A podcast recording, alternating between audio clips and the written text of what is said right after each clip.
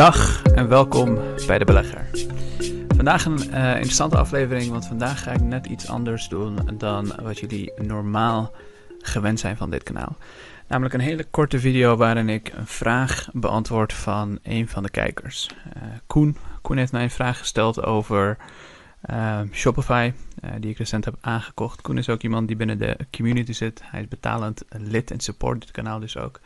Um, en hij heeft daar een vraag over, dus die gaan we zo meteen uh, doornemen. Maar voordat we verder gaan, wil ik eerst even een update geven van mijn portefeuille. Want als jij mij op Instagram volgt, dan heb je het waarschijnlijk al gezien. Maar we zijn in een hele korte tijd heel sterk gegroeid. En dat heeft met een aantal verschillende aandelen te maken. Uh, Appian is heel hard gegroeid. Trade Desk is heel hard gegroeid. Virgin Galactic, MongoDB, Shopify. Eigenlijk alle groeiaandelen die hebben het gewoon ontzettend goed gedaan de afgelopen tijd. Waardoor we nu op 226.000 euro zitten. Met een winst van in totaal 102.000. Dat is voor mij een best wel grote mijlpaal. Uh, want we zitten namelijk op 10% van mijn doel. Dat is ongeveer 2,5 miljoen. En ik hoop daarover een periode van 10 jaar ongeveer, vanaf waar ik nu zit, 11 jaar te komen op mijn 40ste. Dus dat even in het kort qua portefeuilleoverzicht. Uh, als je goed hebt gekeken, dan zie je dat mijn uh, gemiddelde aankoopkoers voor bijvoorbeeld Shopify, waar we het zo meteen over gaan hebben, omhoog is gegaan omdat ik bij heb gekocht. Um, als je wat langer kijkt naar de, deze podcast en deze video's, dan weet je dus ook dat ik Shopify eigenlijk bezit vanaf 71 per aandeel. Nu is het 1000, boven de 1000 zelfs. En ik heb er meerdere video's ook gemaakt over. Die zal ik hieronder linken, voor het geval je hem niet hebt uh, gezien. Hele interessante video's over waarom ik Shopify uh, gekocht heb en waarom ik het zo'n interessant bedrijf vind. Maar één, één ding wat ik even wil opmerken is, ik zie heel vaak binnen de community, um, een chatroom op Discord uh, van bijna 4000 mensen waar we nu die nu lid zijn van de community, die hebben het heel vaak over gemiddelde aankoopkoersen. En uh, gemiddelde aankoopkoersen met elkaar vergelijken. Van hoe, hoe, hoe klein is jouw gemiddelde aankoopkoers? Um, hou je daar alsjeblieft niet mee bezig. Ik hou me daar in ieder geval niet mee bezig. Um, zoals je zag, dit stond een tijd geleden op 200-300% op Shopify. Nu is het 66% omdat ik bij heb gekocht.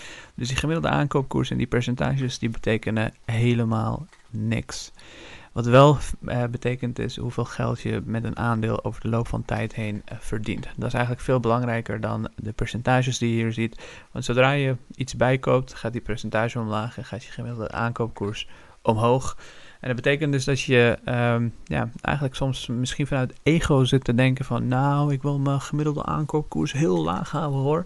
En niet een aandeel kopen om, terwijl het nou, misschien wel een goed moment zou zijn om het toch uh, bij te kopen. Maar goed, Um, hetzelfde geldt voor de Trade Desk. Hetzelfde geldt voor uh, Alphen op Appian. Al die bedrijven heb ik uh, stukjes bijgekocht. Uh, ik bedoel, als je kijkt naar Appian bijvoorbeeld, um, dat is nu 19.000 euro waard. Maar mijn totale winstverlies daarop is 17.000. Dus eigenlijk zit ik alleen maar met pure winst in een bedrijf als Appian. Omdat ik gewoon simpelweg mijn winst heb genomen en het heb geherinvesteerd in andere organisaties. Dus dat gezegd hebbende, um, dat was even een public service announcement om het even zo te zeggen. Laten we even luisteren naar Koen. Koen heeft namelijk een vraag gesteld en die gaan we proberen te beantwoorden. Ik in de betaalde Discord chat. Ik zag toevallig gisteren die uh, Shopify aankoop. Uh, was natuurlijk niet de meest gelukkige entry, maar uh, ja, voor lange termijn is het natuurlijk top. Um, omdat hij nu die dip heeft gehad, wil ik eigenlijk ook nog wel die twee stuks bijkopen. Alleen, ik vraag me af van, hoe weet jij nu als die markt straks weer open gaat? Als hij nu eerst nog een dipje maakt of dat hij in één keer omhoog schiet? Is dat uh, een soort van te voorspellen? En op welke manier doe jij dat? Sorry voor het accent, maar uh, als je het kan verstaan, ja, bedankt voor het antwoord alvast. Ik versta het zeker, Koen. En ik denk dat je je, of nou, ga alsjeblieft nooit meer jezelf verontschuldigen voor je accent.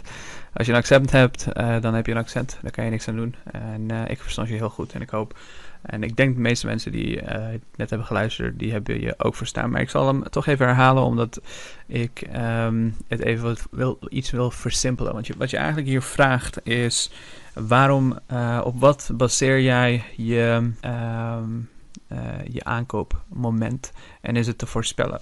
Nou, die tweede is denk ik heel duidelijk. Uh, het is nooit te voorspellen. Als het te voorspellen was, dan waren er heel veel mensen heel rijk geworden. Maar er zijn eigenlijk twee manieren waarop meeste beleggers proberen om te voorspellen wanneer ze een aandeel moeten kopen. Dus de ene kant, en dat is, daar ben ik niet een heel groot fan van, dat is de technische analyse. Uh, wat je dan eigenlijk doet is door middel van grafieken, charts, allerlei zaken, korte termijn trends proberen te ont ontdekken. Uh, de Fibonacci of allerlei gekke naampjes dat het, dat, dat het heeft. Um, dus dat even kort gezegd. Ik denk een heel groot gedeelte van de winsten die je ziet, eigenlijk als je een aantal simpele methodes, fundamentele analyse, um, toepast en een lange horizon hebt, dan komt het over het algemeen wel vaak heel goed. Um, natuurlijk moet de business natuurlijk heel erg goed kloppen. Het businessmodel zelf, het bedrijf, wat ze doen, de mode, um, de, in ieder geval hun onderscheidend vermogen. Wat maakt hun anders dan twintig andere bedrijven die uh, precies hetzelfde zouden moeten doen. Als je dat soort dingen goed uh, in orde hebt en je begrijpt dat en je weet dat en je kan het goed verklaren. En er zijn heel veel andere mensen die het misschien met je eens zijn, die ook aandeelhouders zijn. Um, dat, dat is even de basis. Um, Daarnaast gewoon heel simpelweg uh, uh, kijken naar de cijfers. Dus de tegenhanger van technische analyse, de tweede manier waarop beleggers proberen te bepalen welk aandeel ze wel of niet moeten gaan kopen en wanneer, is fundamentele analyse. En daarbij probeer je eigenlijk het fundament van een bedrijf in kaart te brengen, zodat je weet, dit, dit staat gewoon heel sterk op dit moment. En omdat het heel sterk staat op dit moment, gaat het over de loop van tijd heen waarschijnlijk omhoog omdat de financiën kloppen, omdat het businessmodel klopt, omdat het bedrijf, dit bedrijf klopt gewoon. Die gaat gewoon heel veel groei meemaken over de loop van tijd heen. En omdat het klopt, zullen er over de loop van tijd heen mensen zijn die een veel hogere prijs bereid zijn om ervoor te betalen. Want dat is het uiteindelijk uh, met beleggen. Er moet iemand anders zijn over de loop van tijd heen die uh, bepaalt om van jou dit aandeel voor een hoger bedrag te kopen dan uh, dat jij nu doet.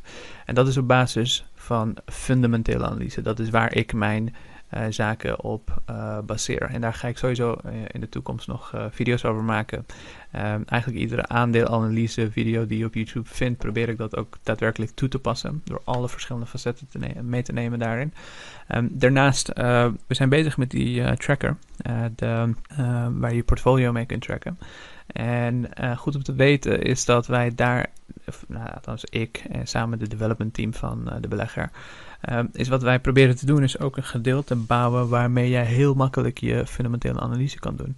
Want wat ik nu merk namelijk, is dat je heel veel verschillende bronnetjes nodig hebt en plekjes waar je allerlei data en cijfers vandaan kan halen. Nou, dat heb je straks, wanneer je in die tool zit, gewoon niet meer nodig. Want alles wat je nodig hebt om een goede aandeel te kunnen analyseren, voor beginners, um, zit daar. Dus dat is uh, uh, even een klein announcement. Maar, maar goed, um, de meeste mensen luisteren naar allerlei gekke beleggingsgoeroes. Uh, of mensen die een of andere podcastje maken en misschien twee, drie, vier, vijf, zes maanden bezig zijn zelf, of een jaartje bezig zijn zelf met beleggen. En die denken heel veel andere mensen kunnen gaan vertellen hoe zij ook moeten beleggen, omdat ze PE-ratio's kennen. naar dat soort mensen luister ik over het algemeen niet. Waar ik zelf naar luister zijn mensen die echt experts zijn in een vak. Bijvoorbeeld een van de experts die ik heel erg respecteer en heel veel boeken van lees, die ik ook toepas in beleggen. Uh, want ik denk dat er heel veel boeken zijn buiten beleggingsboeken die je kunt lezen die je helpen met beleggen. Een daarvan is Daniel Kahneman, dat is een Nobelprijswinnaar. en een van de theorieën die hij heeft is: What you see is all there is. En dat is een theorie die voor beleggen heel toepasselijk is. Namelijk, uh, heel veel mensen die denken niet heel rationeel over beslissingen die ze nemen. Eigenlijk alles wat ze voor zich zien. Uh, uh, je moet je voorstellen, de meeste mensen nemen een beslissing op basis van... ze openen Google, uh, ze typen naam van een bedrijf in... kijken een paar artikelen, misschien Seeking Alpha, wat andere zaken... en dat laten zich beïnvloeden door al dat soort artikeltjes openen misschien zelfs YouTube, bekijken een aantal video's. Um, iemand kan heel overtuigend vertellen waarom een specifiek aandeel of iets dergelijks uh, goed werkt. al dat soort zaken. En op basis daarvan kopen ze een specifiek aandeel. En wat je dus ook wil doen straks wanneer je fundamentele analyse doet, is nog een smaakje toevoegen. Namelijk wat ik doe zelf is ook bepalen hoe gaat het sentiment van dit aandeel nou zijn over de loop van tijd heen. Zal er een gek zijn die op basis van what you see is all there is. Dus op basis van hun uh, onderzoek op dat moment, uh, op basis van de headlines, op basis van de cijfers, allerlei, allerlei informatie die tot hun beschikking is, zullen er gekken zijn die bereid zijn om straks hier meer voor te gaan betalen dan nu. Want uiteindelijk is, je kan de financiën zo goed mogelijk in kaart proberen te brengen, maar valuation is iets wat, ja, je visie kan ook heel vaak niet uitkomen. Een heel groot gedeelte is ook gewoon geluk in principe. Maar als je deze fundamentele zaken gewoon toepast en een, lange horizon hebt, dan zul je over het algemeen ook zelf dit soort uh, getallen zien. Er zijn heel veel mensen die binnen de community dit ook hebben gezien. We hebben recent een Black Friday actie gedaan bijvoorbeeld. Uh, heel veel leden die hun abonnementen hebben verlengd omdat ze zien dat beleggen echt werkt en dat ze gewoon echt heel veel geld er ook uh, mee kunnen verdienen.